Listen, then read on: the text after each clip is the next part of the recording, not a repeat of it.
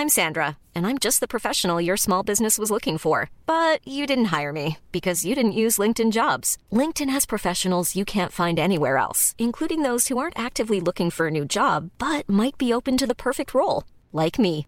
In a given month, over 70% of LinkedIn users don't visit other leading job sites. So if you're not looking on LinkedIn, you'll miss out on great candidates like Sandra. Start hiring professionals like a professional. Post your free job on linkedin.com/people today.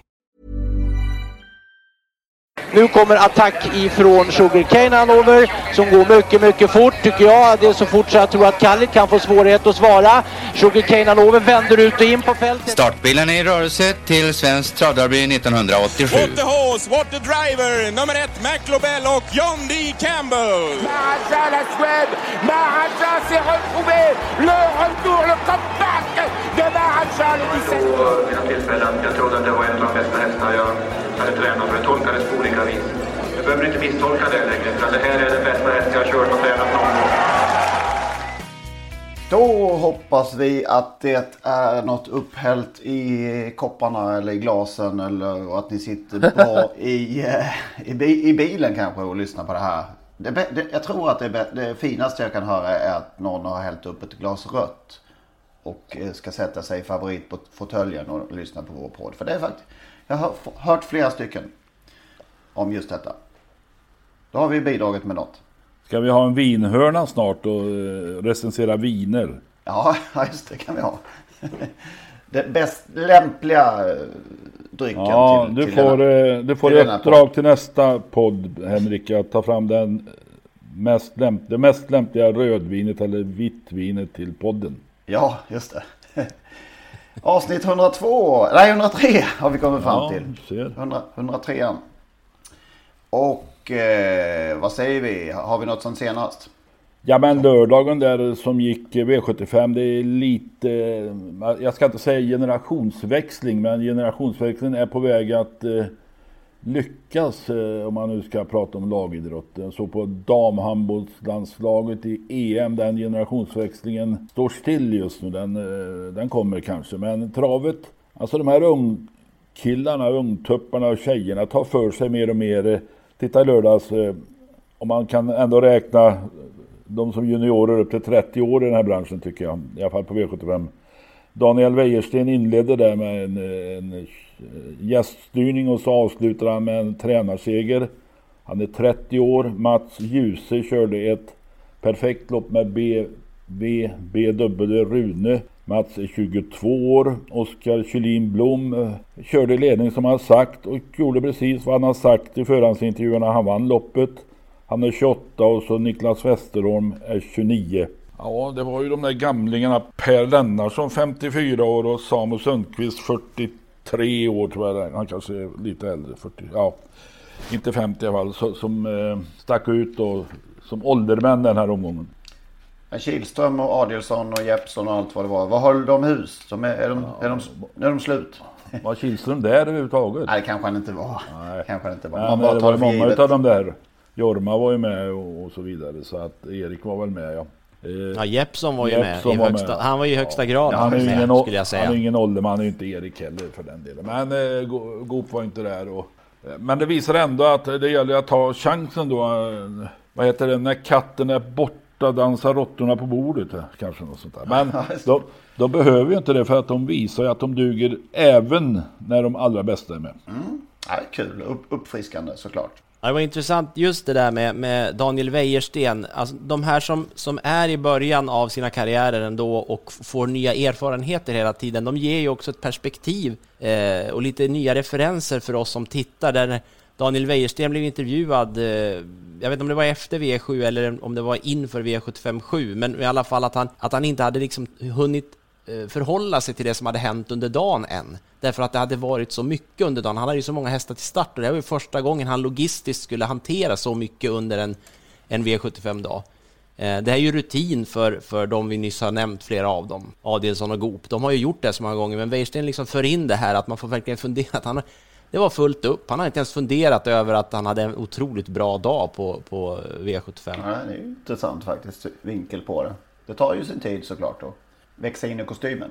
Ja, det är ingen liten sak det där att, att, eh, att rodda ihop en V75 dag. Det vet väl alla som har åkt med en häst till en bana. Det är, det är mycket nog liksom att komma till, med starthäst och, och, och liksom ut ur, ur kärra och, och på och ut och fixa till. Liksom. Och kanske ännu värre just nu när det är restriktioner och, och att ta hänsyn till.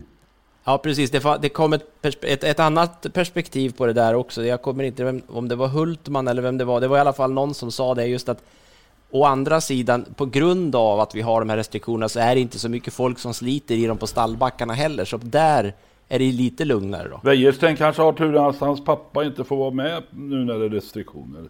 Slippa honom, honom yrande i stallet där. Alltså, har du några exempel? Nej, men han är entusiastisk. Ja. Det är ju en gammal Åbygubbe. Ja, just det. De är alltid uppåt. Men en annan sak som slog mig det är alltså de här, alla de här som vi har nämnt nu intervjuades ju i tv efter och de gör ett, ett, ett intryck, eh, alltså inga överord utan är korrekta, sakliga, lugna, sansade, inga svordomar, inga, inga viftanden och så vidare. Har vi något mer att dryfta sen senast? Jag tycker, jag, jag, jag försökte få in oss på spåret Jeppson där. Jag, jag satt och blev lite besviken här i lördags. Det var ju eh, Lennarts eh, spik där som jag också ryggade. Jag tyckte Matilda Cash där som ju som ju inte alls var i balans och, och där det ju eh, det var väldigt uppenbart att inte hästen var, var där den borde vara på en tävlingsdag.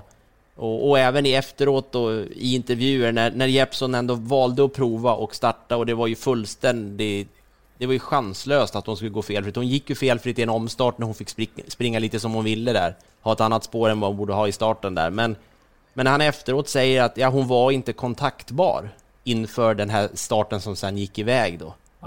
Då är min fundering, ska man starta en häst överhuvudtaget då, framförallt på V75, om, om man har den känslan att jag får inte ens kontakt med hästen. Det låter ju farligt ur många aspekter, både spelsäkerhetsmässigt men även för övrigt. Och det såg vi. Hon, hon slängde ju sig omkring i sidled där eh, när hon felade.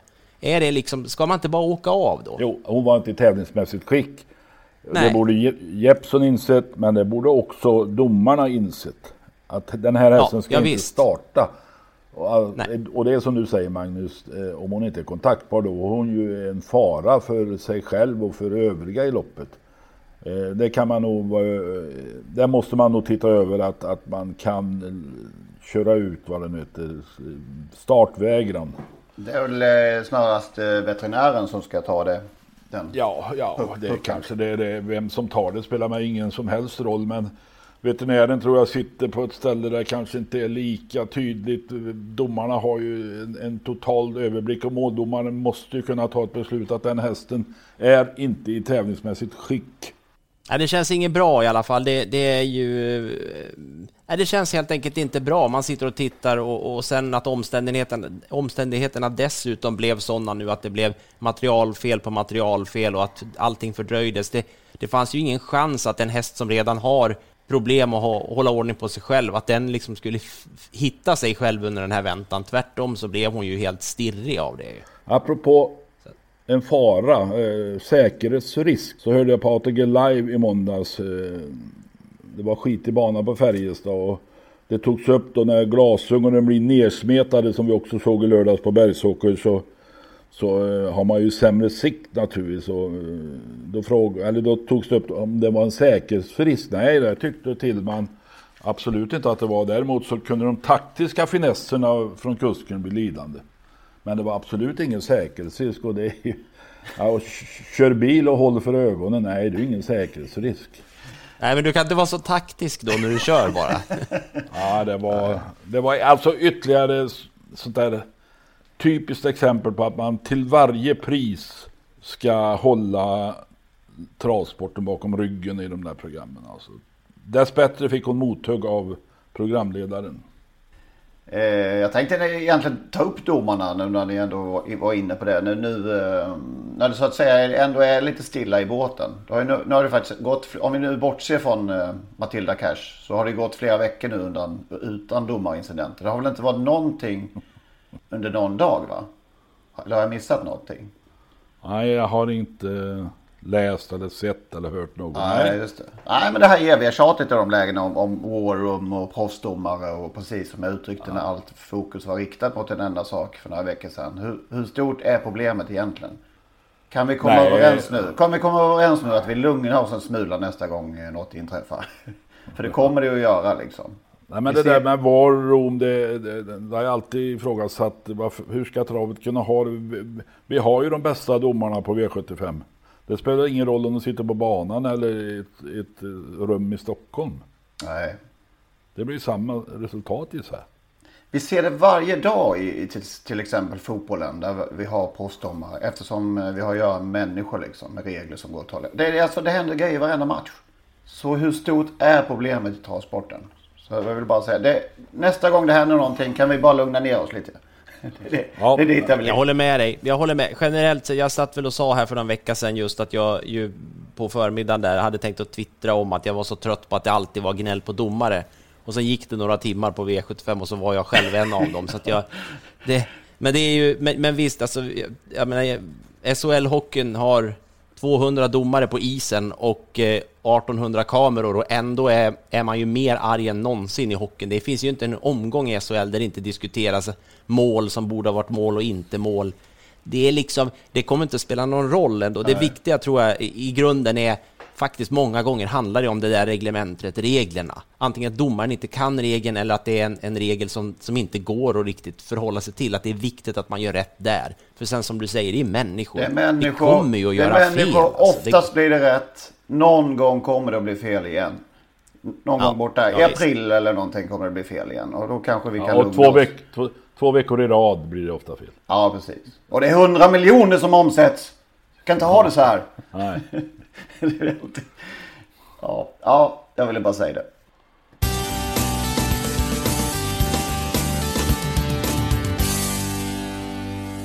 Apropå att rodda inför en V75-omgång då. Det är en eh, viss människa som är van vid. Peter Untersteiner, han, han kan det där med att att organisera upp eh, inför en eh, tävlingsdag med många startande. Han fyllde 60 i veckan. En fanfar. Ja. I fredags. I fredags tror jag det var va? Kan du ta en uh, munt, Eller var det i lördags? Eh, lördags var det va? Han körde i alla fall några skabblopp på samma dag han fyllde 60 år. Ja, det tror jag det.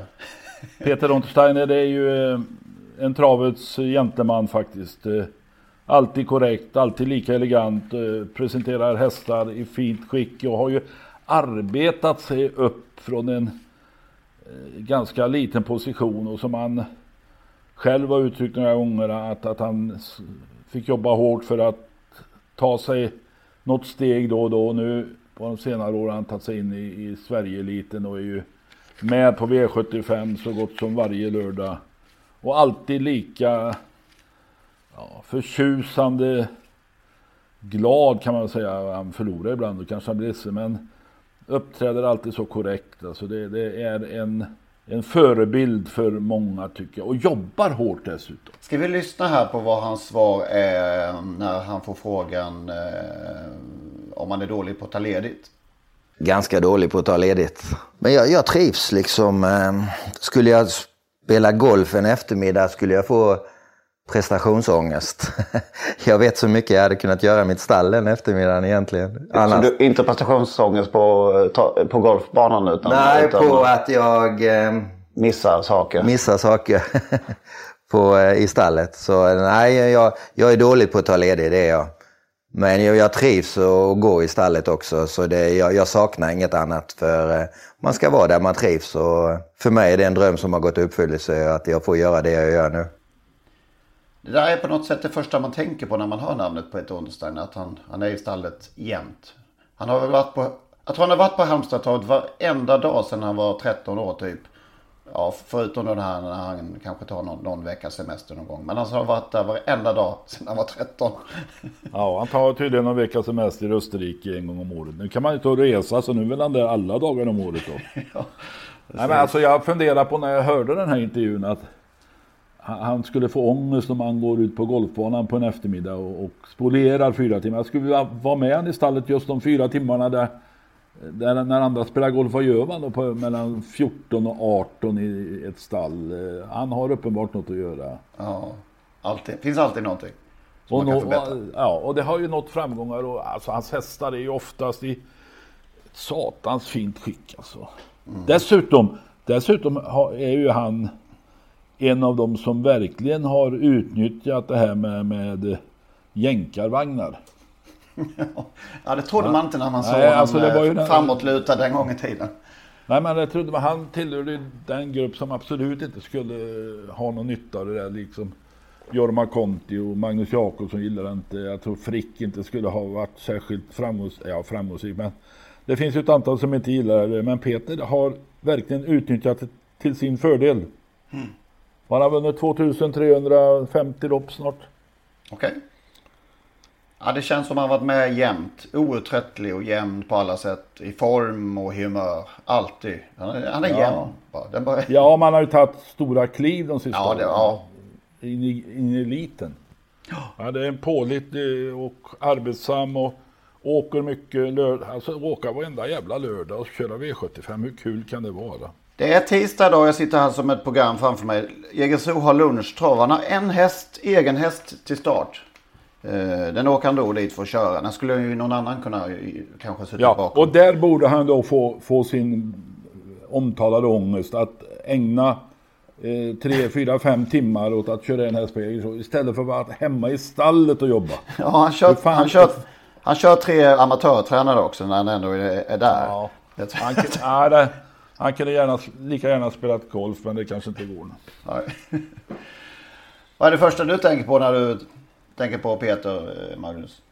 Ja, nu är det sagt det mesta. Ja. Det är ju precis som, så, ja, men som ni säger, det, det, är ju, det är ju kul att kunna prata om en, en, eh, en aktiv som, som han har ju, nu har han ju hållit på väldigt länge. Det, Peter Unterstein är för mig en av de här som, som trots han, han har ju hållit på, inte lika länge som Stig och det har han inte gjort, men han har varit med så länge Peter, men känns ändå på något sätt fortfarande, eh, jag ska, ja, han är 60, men ung och fräsch, men han är fortfarande liksom så jäkla... Han är så ung i, i, i hela sitt sätt, han utvecklas fortfarande. Nu har ju, i år har väl kanske inte gått lika bra som tidigare år här, men, men det är fortfarande, han snittar på drygt tusen starter per år, han, han har, är över 20 miljoner inkört. Och han har, som ni sa nyss, alltså han har ju etablerat sig. Han hade ju något år här, för något år sedan, där han var ju, det var ju fantastiskt. Han hade väl nästan 20% segerprocent på sina eh, hästar liksom och, och var väl 30 miljoner eller något sånt där han körde in. Eh, ja, det, det, alltså det, och som Lennart säger också, där med, nu ska man ju inte ta gift med över tusen starter per år så kanske han har tagit ut någon häst som inte har rört sig 100 procent, men jag kan inte påminna mig att jag har suttit och varit irriterad på Peter Untersteiner för att han har inte tagit sitt ansvar som, som eh, travtränare, kusk, när det kommer till hur hästar ser ut. Det, det kan jag inte minnas. Alltså. Då, mår, då mår han dåligt. Ja. Ja, nej, men det är känt och han är så genuin Peter, det är nog det. Alltså det, det här är ju en, en kille man tror på. Dessutom har han under åren skaffat sig en kundkrets som litar på honom, som tror på honom och som satsar stora pengar för att investera i unga hästar. Ja, men han är stabil på det sättet, just som få en kund. Det vet man ju, det gäller ju allting. Att, att för att du ska bli lojal mot någon så handlar det om att du känner förtroende. Och jag tror att Peter Untersteiner är väldigt lätt att känna förtroende för. Man har ju aldrig hört talas om en hästhäst som upprört lämnar eh, stallet med sina hästar och går ut i media och talar om att Peter Untersteiner är en skurk. I vredesmod bara lämnar, ja, ja, kastar ja. saker omkring sig. Nej, det, det kan man inte se framför sig faktiskt. Vi ska säga det att jag faktiskt har lagt ut en intervju med, som ett extra avsnitt om man vill lyssna på det. Eh, som jag gjorde för några år sedan. Och som ju inte har gått att lyssna på på många år heller. Så att det är ju det är lite kul att vi, att vi kunde väcka liv i det. Ja.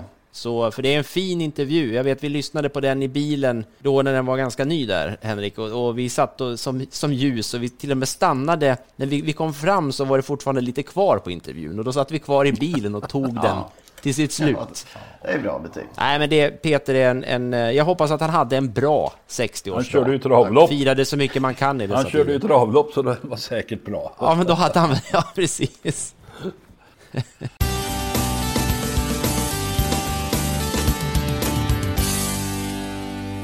Du har haft kontakt med Olle Elfstrand den senaste, lite grann den senaste tiden. Det har du väl haft i hela ditt travliv ja. höll jag på att säga. Men, men, men eh, Ja, men han eh, skrev en insändare som du har framför dig hoppas jag nu. Ja. Eh, och som han ville få införd i eh, vår travtidning Travronden. Men de förvägrade honom den insändaren. Och då skickade han den till mig och frågade vad jag tyckte. Och jag sa att jag blev lite förvånad över att inte Travronden tog in den. Men det är ju ansvarig utgivarens eh, uppdrag att, att bestämma vad som publiceras i tidningen.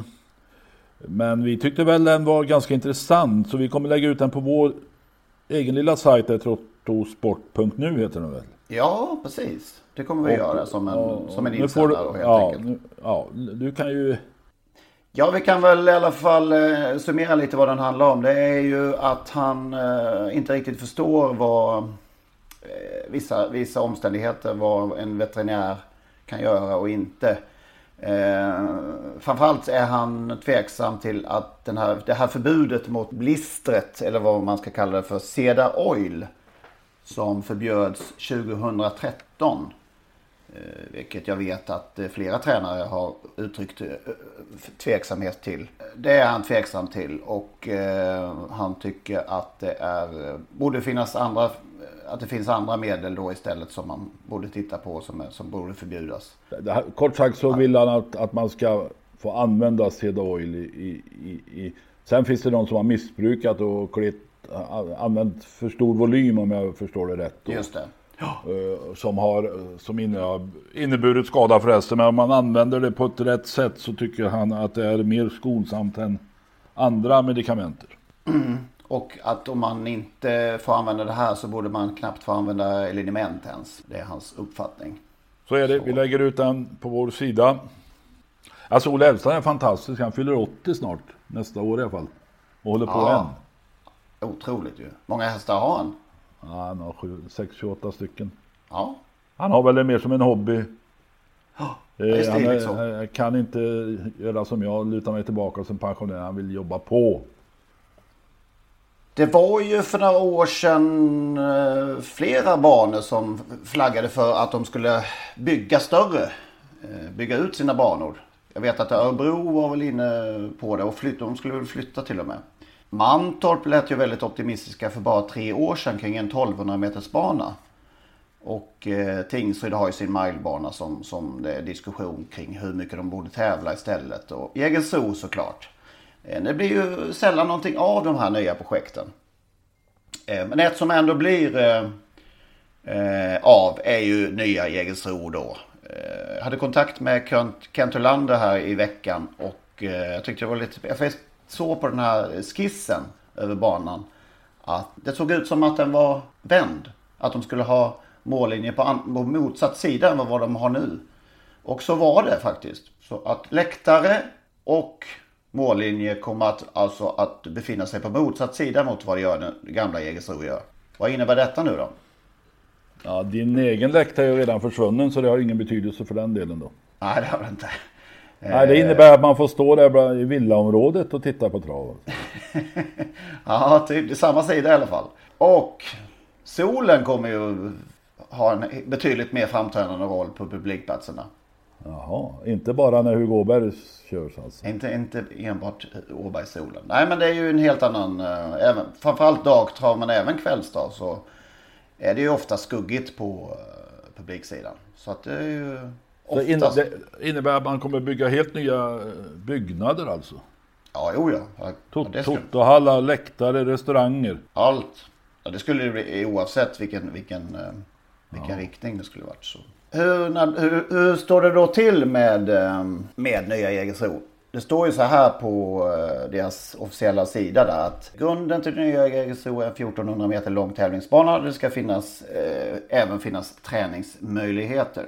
Runt det ska det skapas en flexibel hästby som ska passa världseliten likväl som travskolan. Det ska vara intimt en vardagskväll men ska också klara upp mot 20 000 människor de stora dagarna med ett centralt och myllrande stråk. Ja, det får vi väl se om det blir så någon gång. Eh, men som sagt, jag tolkar det rätt enligt Kent Olander. De ska vända på banan och den, de har förhoppningen om att de ska ha en detaljplan i början på 2022, alltså om ett drygt år. När ska den vara klar? Det det Ja, det vet han väl inte riktigt. Han är, lite, han är såklart som alla andra orolig för det här med, med covid-19. Att det kan komma att ställa till med något och att det kan bli försenat av den anledningen.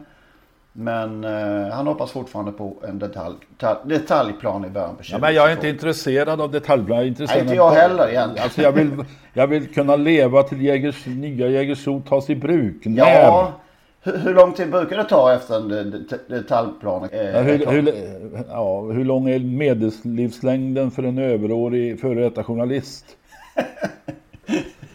Hur har vi det med eh, historisk, är det historisk mark det här? För det som kan fördröja ett sånt här projekt det är ju att man eh, ska göra arkeologiska utgrävningar om det. Jag som bor i en världsarvsstad, Falun här, det är många byggprojekt som, som st- stoppar upp därför att man ska gräva i backen ordentligt. Vilket i och för sig jag tycker är, är fint att man gör, men det kan göra att Lennart får vänta länge. Ja, det är klart de här vill, villägarna där borta kommer att protestera. De där villorna byggdes väl förresten av Hugo Åberg en gång i tiden och hy, såldes billigt till eh, travtränarna på Jägersro.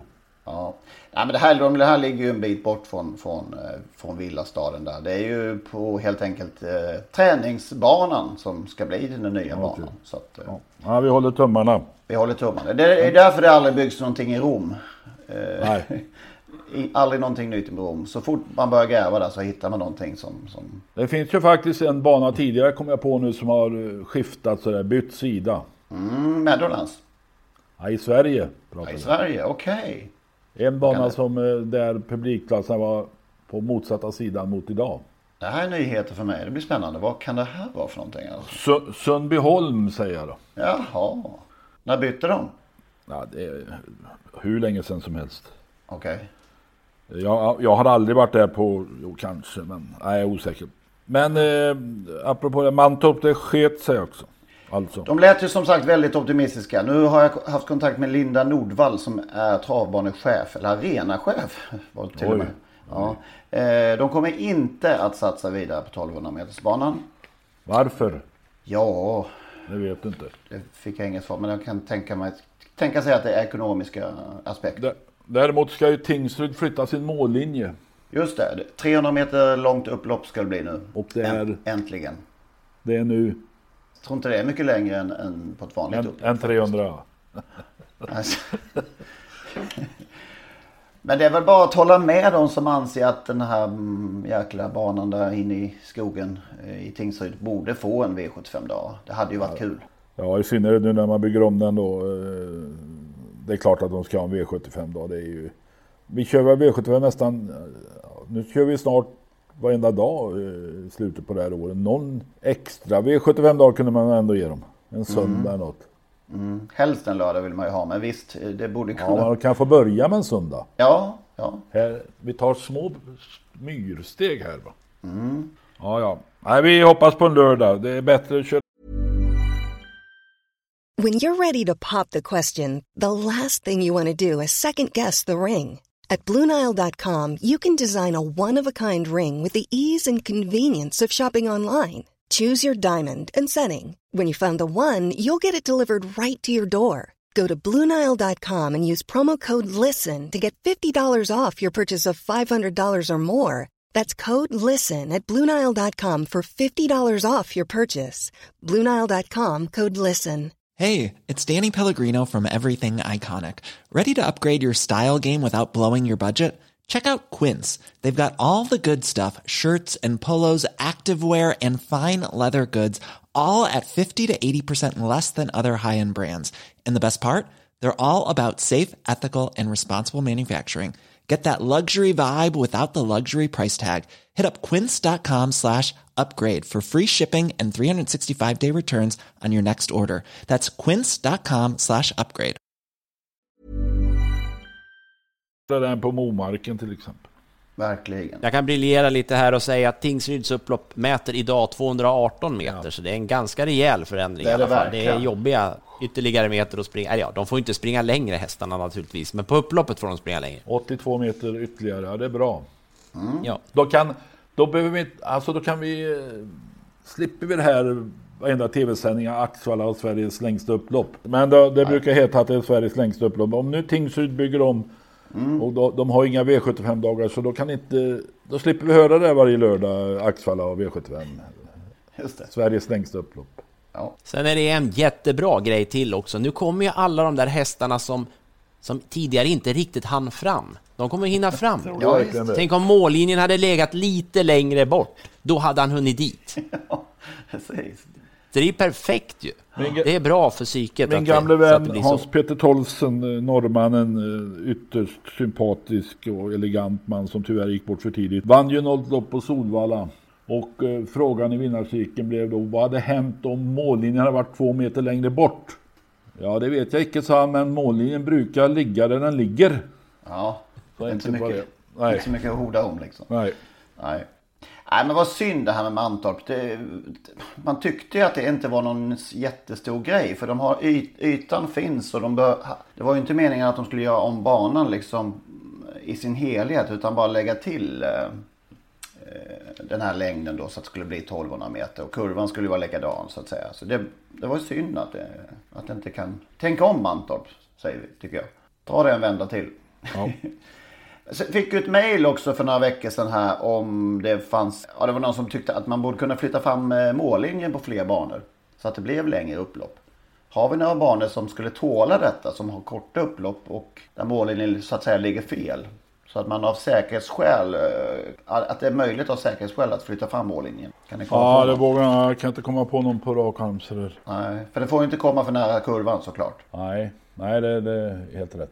Nej, nej, jag kan inte heller komma på något. Det är ju Solvalla som man, som man just där man har den där upplevelsen om att de har börjat svänga när de passerar mål i princip. Ja. Och skulle man ha så på alla banor? Jag, jag vet inte riktigt. Jag, jag har aldrig hört någon kusk tycka till om det riktigt, hur, hur det känns att liksom ha, ha... Nu springer väl hästarna själva också, men att det ska, sväng, att det ska svängas direkt efter hård slutstrid sådär. Mm.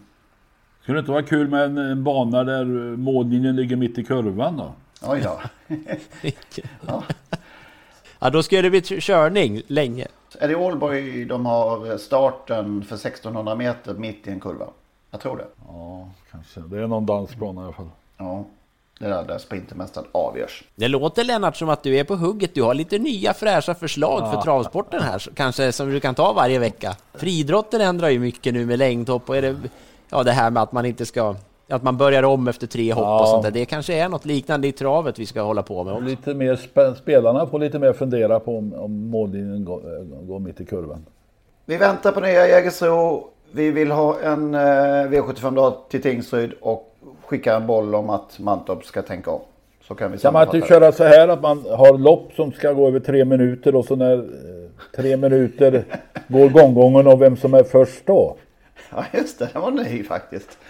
Nej, men det här är ju bra. Jag, jag känner nu, vi har ju vinklad vinge. Skulle man inte kunna ha vinklad mållinje Ja. också då? Så att de som går längst i, i svängen där, alltså, det ska vara en liten fördel att attackera i sjätte spår, att man får närmare till Ibland mål. får man känslan av att mållinjerna redan är vinklade.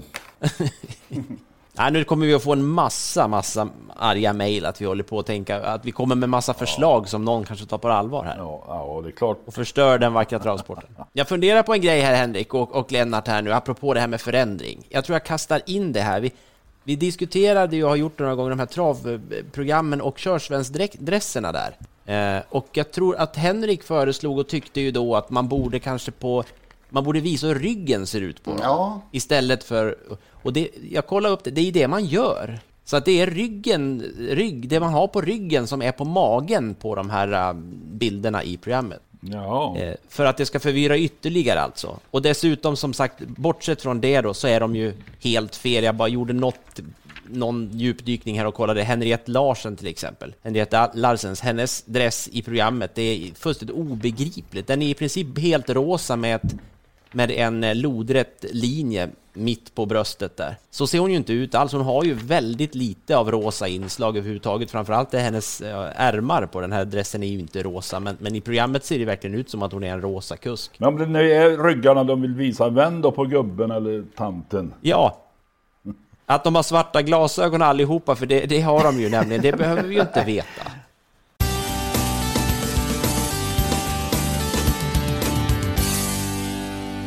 Vårt nostalgiblock den här veckan hamnar vi på i norr. Norrland. Vad är det vi ska ta upp? Uh, ja, en av de eh, mest eh, remarkabla karriärer i svensk travsport tror jag man kan säga. Bert Johansson som vann 825 lopp eller något sånt där. Eh, 824 lopp till och med som amatör. Han blev proffs när han var 46 1979 den 1 januari. Och eh, då tog han sin 825 seger direkt. Så att eh, det här är en ytterst speciell man. Vi lyssnar lite på en av hans eh, segrar med en av, av hans alla profilhästar. In på upploppet så är det Happy Feeling Egon Pan. Happy Feeling Egon Pan. Så närmar sig Egon Pan. Men det är Happy Feeling Egon Pan. Så kommer Egon Pan. Det blir stenhårt in mot mål. Happy Feeling Egon Pan. Ja, det är bara att gratulera Bert Johansson än en gång. Tack så du ha. Ja, det var skojigt det. Hörru du, eh, han fick det inte alldeles till skänks ändå. Nej, man ser hur det kan vara. Det var ju bara fem hästar i loppet och då tyckte man väl att det skulle bli bekvämt i alla fall för alla hästar. Men det blev ju så att jag var tvungen att gå ut 1200 kvar och köra i döden som man säger. Även om tempot var väldigt beskedligt så kunde jag ju inte sitta kvar för det var ju risk att jag skulle bli instängd då. Han var seg, Happy Feeling. Ja, han var bra. Vi körde ju rätt fort sista varvet till det sista 700 och sista 300 gick väl ännu fortare. De andra var ju lite distanserade faktiskt. Det såg knappt ut, men du såg att du hade vunnit. Ja, jag tyckte nog då vi gick in på upploppet att det skulle gå bra det här, men det var rätt så hårt i mål i alla fall, även om jag tyckte det var helt, eller det var ju helt klart det var det. Egon Pans tog ner uh, Happy Feeling här i ett lopp en sommarkväll på Bergsåker. Och det var, alltså, det var en väldigt bra åskå att åskådliggöra Bert Johansson i vinnarcirkeln. Lugn, sansad, korrekt. Inga hö, inte särskilt högljudd, inga segergester utan stod där stadigt som en björk från Umeå. Eh, man blir lugn liksom. Man ja. blir lugn när man ja, tar Bert Johansson. Det var hans signum alltså. Och det var hans signum som tränare. Han, han matchade sina hästar väldigt klokt. Alltså, jag har en uppgift här att Bert Johansson startade aldrig en treåring innan han hade vunnit tusen lopp. Ja, det är en sån häpnadsväckande uppgift så att jag... kan det stämma alltså? Det, Nej, det... du tror inte på den. Ja, alltså, det är otroligt alltså. Om man tittar på hans hästar då, eh, som de alla gjorde, de flesta i alla fall, gjorde väldigt många starter och vann mycket lopp. Eh, första var väl Golden Iran, 71 segrar på 179 starter. Alfino, 191 starter, 51 segrar. Sonki som eh, jag tror var den häst, eh, i alla fall ända till han fick Big Spender, var den han tyckte mest om och var hans bästa häst under många år. 156 starter, 74 segrar och nästan en miljon. Skandinaviskt mästerskap vann han 1975. Han fick en skada som 11-åring som gjorde att den här miljonklubben, kallar man för det, det så för den, på den tiden? Miljonklubben? Ja, Nej. absolut. Miljonklubben var ju Lyon eh, tidigare. Ja, just det. Så, ja. Men det var det som gjorde då att uh, den inte nåddes helt enkelt. Det var inte många som, som var inne i den på den tiden. Nej, så var det. Och han, han hade en förmåga att, uh, han var ju gammal bilförsäljare. Han jobbade på Volvia eller Volvo eller vad det hette i 25 år innan han då tog steget över och blev proffs. Han letade fram, hade ett fint öga och letade fram hästar som han ville köpa och han gav sig inte. Han malde och malde och malde och ringde upp ägarna. Ja, precis som bilhandlare gör. Mm. För att få köpa dem. Den lilla Aljo var ju en häst som i det längsta Eh, de vägrade sälja. Men Bert lyckades köpa den, vann ju 51 lopp och, och bland annat eh, SM på Åby. Gissle var en annan som han köpte från Göteborg. 194 starter, 54 segrar, 1,7 miljoner. Eh, han hade en jäkla förmåga alltså att han hade aldrig mer än 10-12 hästar tror jag. Och var försiktig som sagt. Körde snällt ofta. Cornish Key var en sån där häst som man körde invändigt med och så efter tre, fyra invändiga starter så kunde han runda dem i tredje spår. Det var inga problem. Men han gjorde något, eh, faktiskt något besök eh, utomlands. Eh, var ju, Elio var med i Prix d'Amérique, 83 oplacerad. Oplacerad i Prix de France. Tvåa i, Plateau, i Prix de Plateau de Gavel. Och tvåa i Prix de Bois de Vincennes. 100 000 i andra pris båda gångerna. Gisle var också med i Prix de Luxemburg. Var två ett lopp i Nice. Så han, jag kommer ihåg när vi var på, eh, när han stod på Grobois där i slottet med sina hästar. Eh, Eh, hade många, eller många trevliga, några trevliga proffsstunder med Bert. Man hör ju i den här intervjun också hur dåligt han mår över att han var tvungen att kliva ut i dödens eh, ja. varvet kvar. Jag, jag, jag trodde ju att det skulle bli behagligt men, men eh, ja, jag var tvungen. Nej, det sved nog. Det var, var ju så att på den tiden när han då var amatör så var det svårt att få, få starta på Solvalla. Alltså det var ju någon eh, regler där som höll amatörer från vischan ute på något sätt.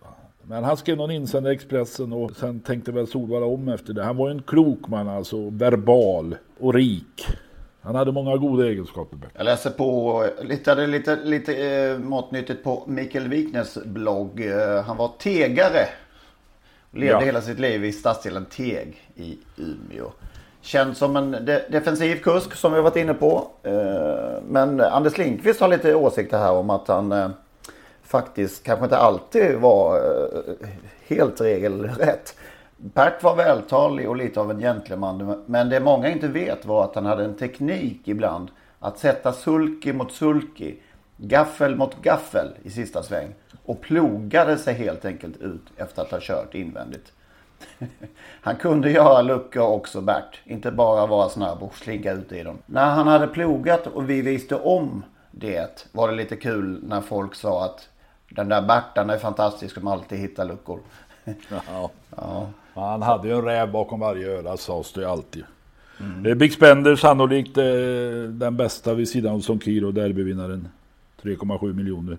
Vann 35 lopp på 75 starter. Ett derby och två Hugo Åbergs på Jägersro. Ja, två Hugo Åbergs dessutom. Eh, på exakt samma sätt båda gångerna. En häst som eh, många har glömt gissa, Khalil Gibran som var trea i Europeiska femåringsderbyt 1987 när Clash Hemring vann. Nordsvenskt mästerskap var ett bra lopp för Bert. Eh, Golden Iran 72 och 70 som Ki 77, 79, LJ 82, Egon Pan 84 och så Prins RS har vi inte nämnt, 80, 96. Han vann, eh, alltså han vann Expressens rikschampionat som var stort på den tiden när landets championkuskar del, eh, drabbades samman. Vann han som amatör 1971 med Rotterdam och han vann också V65-mästaren som nu är något annat, V75 Champions kanske det heter. Med Laven, V65-mästaren med Laven 1983. Och blev väl champion på Umeåker en 14-15 gånger bara nu va. Tusen, tu, vad sa du, tusen, han tog tusen segrar utan att starta en han startade ingen treåring, ingen, eh, alltså det var nog säkert ingen gräns han satt, satt upp själv, men det råkade bli så att han vann tusen lopp utan att ha startat en treåring från det egna stallet. Det är ju ja, det, det, det är ogreppbart, snudd på. Ja. ja, det är ogreppbart. Med, med dagens travsport i, i framför ögonen. ja, faktiskt. Jag tror inte han har passat in i dagens travsport. Nej, vi ska komma, komma till en... Ja, till dessutom det här med att idag, alltså för att få vara med i tv så krävs det nästan, de nästan kräver tv-reportrarna att gör segergest. Ja, det har vi nog Det var en liten, liten eh, antydan i... i jo, han, något, han kunde något, hytta med spöet lite sådär. Då. Något i Hugo Åbergs där, kommer jag ihåg. Men, eh, och sen har jag en känsla av alltså att han, jag skulle vilja veta hur många gånger han åkte dit för en drivningsförseelse. Jag tror inte det var någon gång. Nej.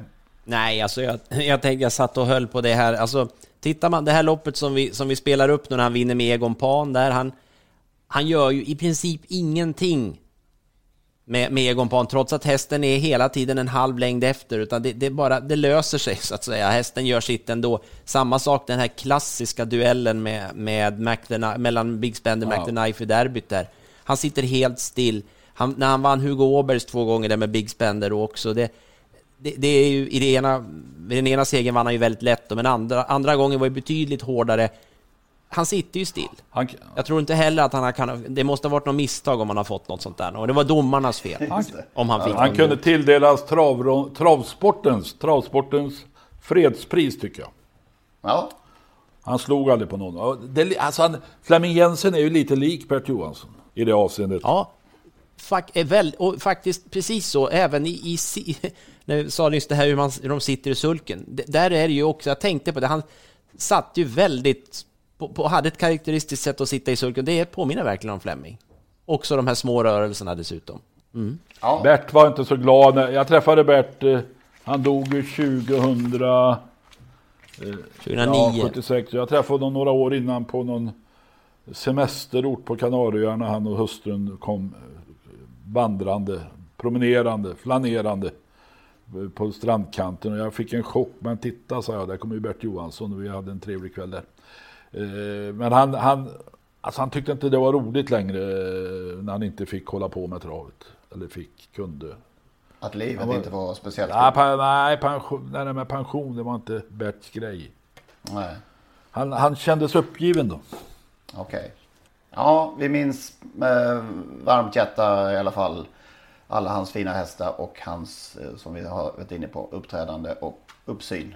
På tal om då eh, att han inte skulle passa in i eh, dagens talsport med tidiga starter och eh, stort fokus på treåringssäsongen kanske.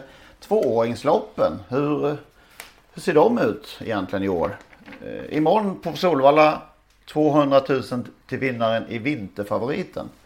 Fem anmälda. Det är anmärkningsvärt. Mm, jag tittade faktiskt på, nu är det tisdag och ikväll denna tisdag går silverstoet på Axvall. Åtta anmälda och det var faktiskt bara sju, det var åtta anmälda även 2018, sju startade. Och det var åtta, nio anmälda 2010, sen har det varit 11, 12, 12, 10, 12, 12, 12. Och när man tittar på kvällens eh, eh startlista så blir det säkert någon, det kan mycket väl finnas en blivande stjärna men det, det är nog den svagaste årgången någonsin, vågar jag säga. Mm. Och som sagt då fem hästar i det klassiska, får vi kalla det för, eh, på Solvalla. Eh, vinterfavoriten. Det är ju, ja man blir lite brydd. Och hur ser det då ut eh, statistikmässigt? Vi har fått lite uppgifter faktiskt, det tackar vi för vi har lite olika, från lite olika år. Från 2010 och fram till 2019 med tre års eh, mellanrum. Men om man kan, det blir för mycket siffror här om vi ska rabbla allt det. Men eh, man kan säga så här att det har ungefär halverats när det gäller antalet starter för tvååringar sedan 2010. Då var det eh, ungefär, om vi ska titta på svensk, de svenskfödda, eh, drygt 900 starter. I år ungefär eh, 450 starter. Så det är en halvering. Däremot har ju då prispengarna, eh, ja, det har inte ökat så mycket men de är ändå, det är ändå högre prispengar i 2019 jämfört med 2010. Ja, vad säger det här? Hur mycket prispengar delas ut 2020 till tvååringarna? 2020 har jag faktiskt inte, men 2019 då 12 miljoner. 12 miljoner och det var 450 starter? Någonting sånt ja. ja. Hur mycket ja. blir det per start? Kan de räkna ut det? Det blir ungefär 25 000 per, per start. Per start. Eh, men vad, är, vad, vad beror detta? Förutom att det, är, ja, det föds ju färre och färre hästar och, och sådär. Men, men det är ändå anmärkningsvärt att det har gått ner så mycket. Ska vi ta bort, är det någon mening att ha kvar tvååringssporten? Ska man dra det så långt? Kan det påverkas av att de här stora loppen nu som tre och fyraåringar är så hiskeligt mycket pengar att köra med, med, med de här dubbla prispengarna ofta? Så att man vill spara, man vill inte ta ut sina hästar som tvååringar. För man då ja, misstänker att, de, eh, att utvecklingen kan stanna upp. Jag vet inte om det finns vetenskapligt belagt men det har ju alltid varit en debatt där att, att man, alltså vissa tränare startar ju aldrig en tvååring. Stig och Johansson ja, han start, alltså Sveriges bästa, eller i alla fall näst bästa, eller en av de två bästa genom tiderna har bara startat ett fåtal tvååringar från det egna stallet genom alla år. Jag gjorde ett reportage en gång eh, inför vinternumret i Travronden eh, om Stig. Och just den kvällen så eh, kom Robert Berg förbi stallet och hade anordnat någon slags protestlista som Stig och glatt skrev på om att de här höjda prispengarna för tvååringar det kommande året, det skulle vi, så skulle det inte bli tyckte, tyckte varken Stig eller eller Robert Berg. Så han har ju alltid varit emot eh, tvååringar. Men även, även Robert Berg då? Ja, helt, helt, han startar ju aldrig några tvååringar. Och det blir ju allt färre tränare som gör det. Jag tycker det... Ja, Stenström, jag tänker exempel Stenström startar aldrig några tvååringar. Nej. För att ta ett nära exempel. Men eh, Ludvig Colgjini var ju en mm, ivrare för tvååringssporten och startade många tvååringar har genom åren gjort. Men även där verkar det lite eh, defensivt just nu. Ja. Så ja, det är intressant tycker jag. Om jag, lyft- om, jag, lyft- om jag drar någon slutsats av ditt resonemang och på ditt tonläge Henrik. Så vill du ta bort tvååringssporten. Ja, det vill i alla fall lyfta frågan. Är det någon... Kan vi ha, lägga pengarna på något bättre? Var det 12 miljoner? Ja, det kanske inte är så mycket det stora hela. Nej, kanske, kanske kan bygga ut Mantorp 100 meter för 12 miljoner. Jag vet Ja, precis. ja, men det är ju... Det är alltså under, under 1% av de registrerade svenska hästarna som går ut som tvååringar. Om vi nu säger att förbjud eller lägg ner tvååringssporten. Vilken eller vilka tränare skulle reagera högljutt mot detta? Ja, det är ju... Jag tror ett, etta i ledet står nog Per Nordström. Ja, han har ju haft stora framgångar. Det är klart att de som har stora framgångar med tvååringar de kommer ju att, eh, att lägga in sitt veto om de nu har något veto. Svante Båth kanske. Men det är ju inga roliga lopp heller att se de här med fem hästar imorgon, imorgon kväll här liksom. När det, när det, Nej, alltså det är en aspekt också. Det är inte nog med att det kostar prispengar. Det kostar uteblivna spelintäkter. mm. Med fem hästar, eh, med åtta hästar på Axel idag. eh, Så, så blir ju spelet lidande. Och så har det ju sett ut hela hösten i tvååringsloppen. Det har ju varit, det har ju varit en fem sex hästar max i, i, på många ställen. Har ni någon åsikt, ärade lyssnare? Ja, Mejla till oss då. podcast.trottosport.gmail.com eller gå in på våra sociala medier på Twitter och Instagram och Facebook och allt vad det är. Och adressen om den gick nu för fort så finns den på vår Podcast. hemsida. Jaha, hemsida trottosport.nu. Eh, För där finns det väl Magnus? Vår mejladress. Ja, det bör den göra. Sätter mig på pottan. Jag, jag sitter här och tänker på, på tvååringstävlandet här så att jag... Eh, finns den inte där så ska vi lägga dit den naturligtvis. Det, det måste vi kolla upp. Eh, ja, så får vi se vad andra tycker. Jag, jag, jag är tyst därför att jag, jag, jag minns en eh, förutsägelse som jag skrev på Travnet för, ja det är 20 år sedan. Och lyckligtvis finns den inte kvar, den krönikan, men jag spådde lite vad som skulle hända och jag trodde ju att tvåårings, mot min vilja dock, men att tvååringssporten skulle växa kraftigt. Därför att eh, ekonomin i travsporten är ju tuff som den är och att man skulle förflytta tävlandet neråt i åldern för att förkorta tiden man bara betalar för att ha häst. Men eh, det var bevisligen en fullständigt felaktig förutsägelse. Vi har ju gått åt andra hållet istället. Ja, men det, det, jag känner du kunde nog tro likadant faktiskt. Om inte kanske i den omfattningen som du kanske. Men, men, men att det skulle ö, i alla fall öka och inte, tvärt, och inte monumentalt tvärtom. Det är överraskande tycker jag. Apropå tvååringar jag läste om en tvååring igår som heter Venice de Gassot. Den gjorde 24 starter som tvååring. Men var aldrig bland de tre bästa. Eh, och det är en för oss okänd häst, för alla okänd häst nästan. Men mamma till Ideal de Gassot. Fantastiskt. Hopp. Ja. På tal om Solvalla imorgon så räddar ju eh, en viss Steff, Staffan, Ta, Staffan. Staffan Tapper. Tarzan. Staffan Tapper. Kom Han igen räddar.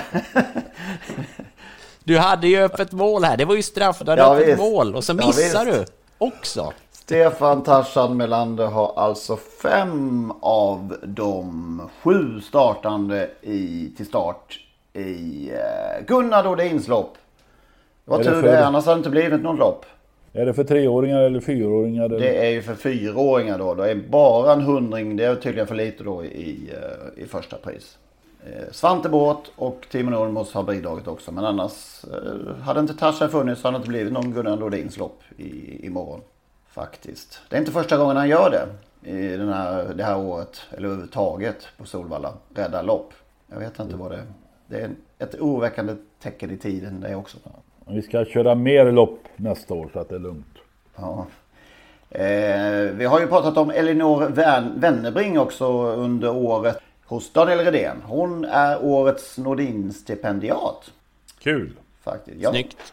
Blev lite eh, brydd här över att eh, stipendiet är en check på, jag trodde det, skulle, jag trodde det stod fel, men det är alltså 5000 kronor. Fortfarande. Det kändes lite. De har varit uppe i 15 000 men de har tydligen tvingats eh, sänka. Varför? Ingen aning. Jag vet att, vet att de som fick för några år sedan fick 15 000 men nu är Det nere fem. Man borde kunna få in en sponsor som lägger 10 000 i Nordin-stipendiatet. Ja, Jag var, jag, jag var lite inne på att de hade glömt en nolla, men, men, eh, här, men, men så var det inte alltså. 5000 kronor, det var okej. Nej, det var simpelt. Ja. Men grattis Elinor, får vi ändå säga. Äran är ju värd mycket också. Välförtjänt. Yes. Nordin-stipendiet. Mm. Då tar vi oss till Frankrike.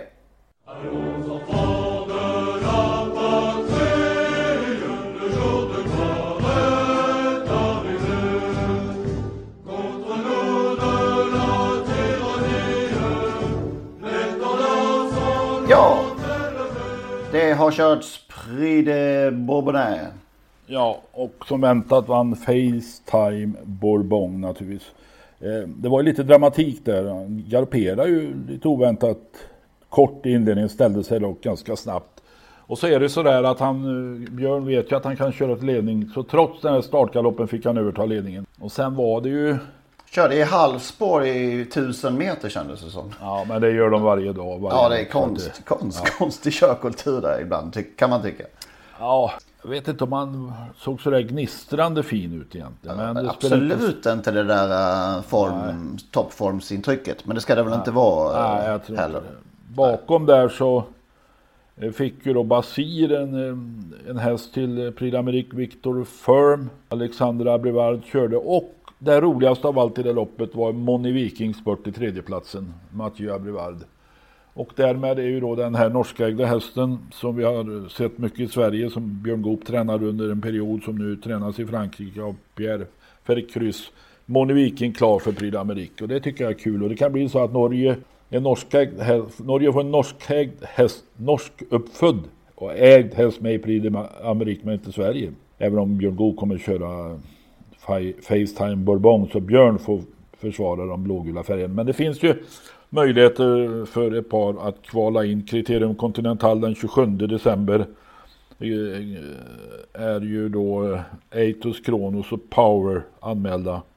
Gasmeras Ja, det är oerhört spännande att se Aietus Kronos såklart. Ja, Empire, Erik Ziel från, från eh, Thomas Malmqvist. Och så har eh, Lindqvist, Hudson, River och vad heter han? Hudson? Jag vet inte ens vad han heter. Och Vanity Hill Hall anmälde i alla fall. Men eh, de där Power Eightus Kronos kan vi hoppas lite på. Det som hände mer var ju att Million Dollar Rhyme blev storfavorit i ett lopp 2100 meter auto i torsdags. Han fick ett tungt lopp och blev sju. Han var ju chanslös därifrån. Så det, det blev helt fel. Eh, en, annan stor favorit Devs Daffodil. eh, Konrad Lugauers med Björn Goop spelat 1,80 från bricka 12 bakom bilen. Blev trea. Gick ett bra lopp men var, kunde inte vara nära vinnaren. Och så var ju Shocking Superman med i lördags men han såg inte alls bra ut och tappade travet i sista kurvan. Som slagen. Inget kul i veckan eller?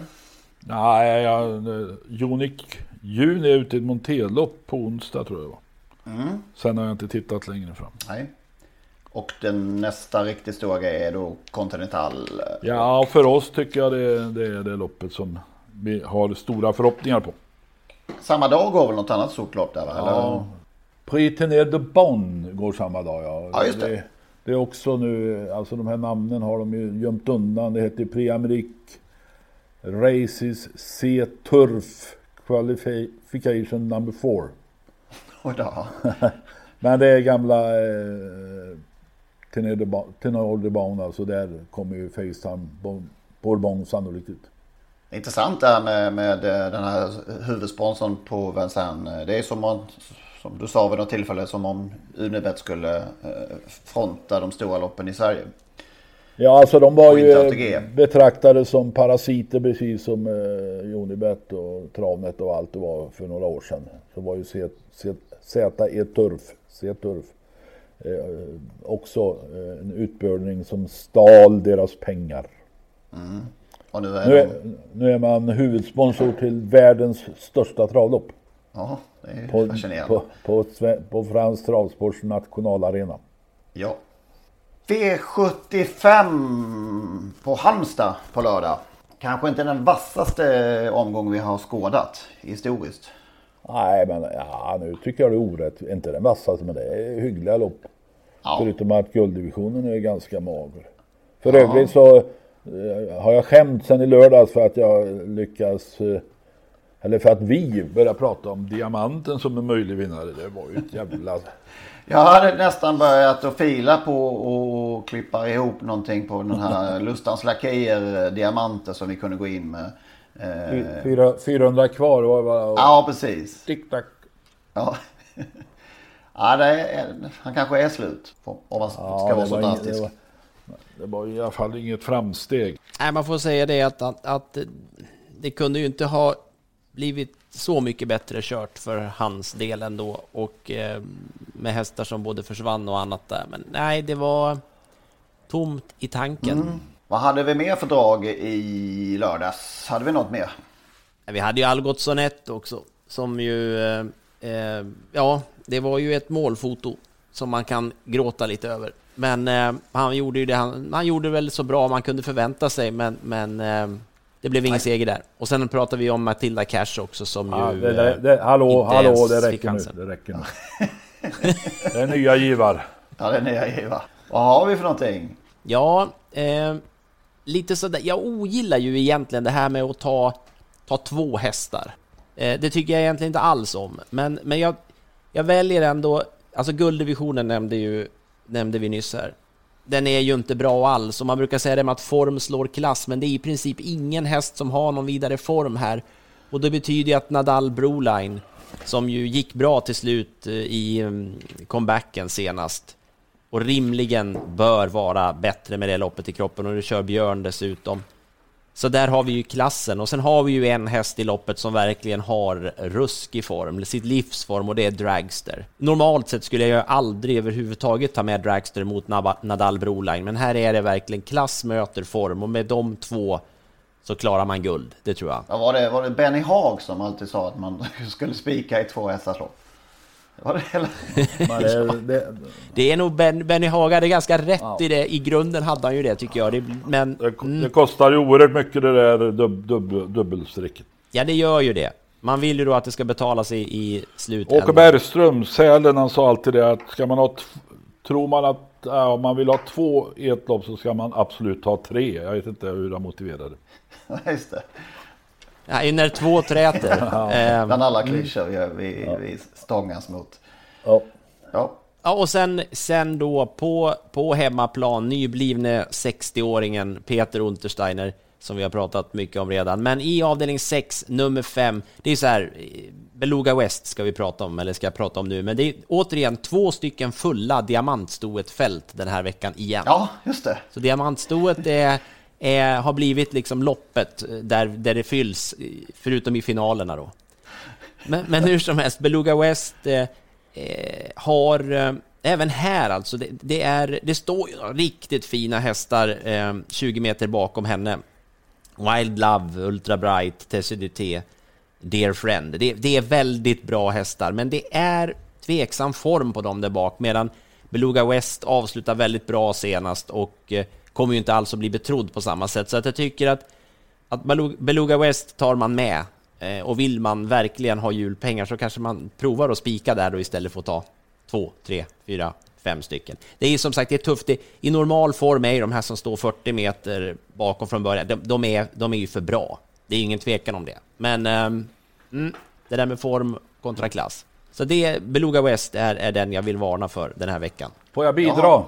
Jag har också en liten luring faktiskt. Men, Eller Henrik, men, Henrik ville komma in, varsågod. Ja, alltså jag har ju inte varit i närheten av att sätta någonting hit. Jag har till och med fått lyckats stänga stallar på de hästar jag har rekommenderat.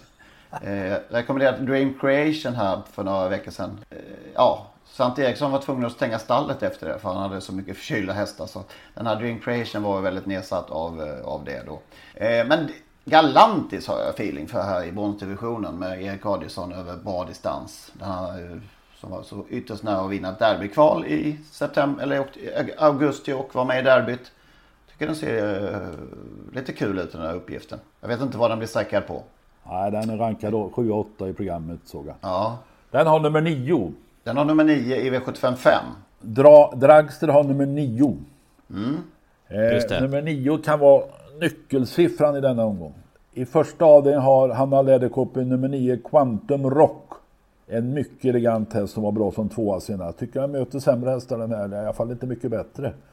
eh, hy hyggligt läge trots bakspår. I andra avdelningen har samma Hanna nummer 9 Keegan Trott. Det är två nio man ska absolut ta med. Och så Dragster och så din nia där då. Henrik. Det är niornas omgång. Vad har vi i uh, fjärde har vi nummer nio jo, uh, jo, Jojo. Kan det Ja, vara det- någonting? ja, det går nog tvek- inte. Mer tveksamt. Och sen har Alexi nu... Quick i sjätte. Ja, ja, ja. Mr Perfection i avslutningen. Men 4-9 då säger vi. Ja, alltså man kan... Jag tror jag ska spela reducerat med två av fyra nior. Just det. Så, det är så gott som något. Apropå hästnamn. Vi har ju fått in några. Vi efterlyste ju de vackraste hästnamnen. Vi har Mm. fått några. Peace on Earth. Iceland. Diamanten. Francis Marie ringde Benny Ternholm om igår. Det tyckte han är ett mycket vackert namn. Eh, Sen har Erik Flygare föreslagit Bilbo BS. Av vilket skäl vet jag inte. Men han tycker tydligen det är vackert. Där måste du- vi ha, han måste ha någon eh, relation med, med den hästen. Ja, vi får, vi vi, men vi efterlyste fler. Vilket tycker ni är det vackraste hästnamnet? Kom igen nu. Ja, in! Podcast.trottosport.gmail.com eller på Twitter eller på Instagram. För tusan. Hittills leder väl Peace on Earth. Om jag får säga mitt. Dessutom har jag fått ett sms från signaturen Benke Bus som han vill inte rösta på något vackraste namn. Jag har kommit på det fulaste namnet sa han. Bodasorken. Just det. Men det ska, uttala, det ska uttalas på uh, västgötska. Ja, ja, då heter det Bodasörken. Den vann faktiskt åtta lopp. Bodasörken. Bodasörken. Vi måste också eh, säga att vi från vår trogna lyssnare i Paris, Jack, har fått in att hur kunde vi glömma Skalla Grim på S, eh, Sören Odins häst.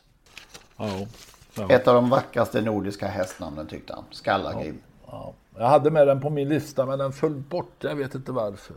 Du, får- du får ta på dig den helt enkelt. Ja, alltså den borde jag med. Jag tror jag var uppfödd här eh, på, eh, i Bjurum mellan Skara och Falköping om jag minns rätt. Alltså. Mm. Jag behöver inte minnas rätt. Skalla Grim. Skalla Grim. Ska vi avsluta med Skalla Grim? Då hörs vi om en vecka. Alltså det är något forn, fornnordiskt namn det där. Skalla Grim. Ja, vi hörs om en vecka, just det. Det får vi hoppas. Ja, det gör vi. Ha det gott! Ha det. Hej! Hej då!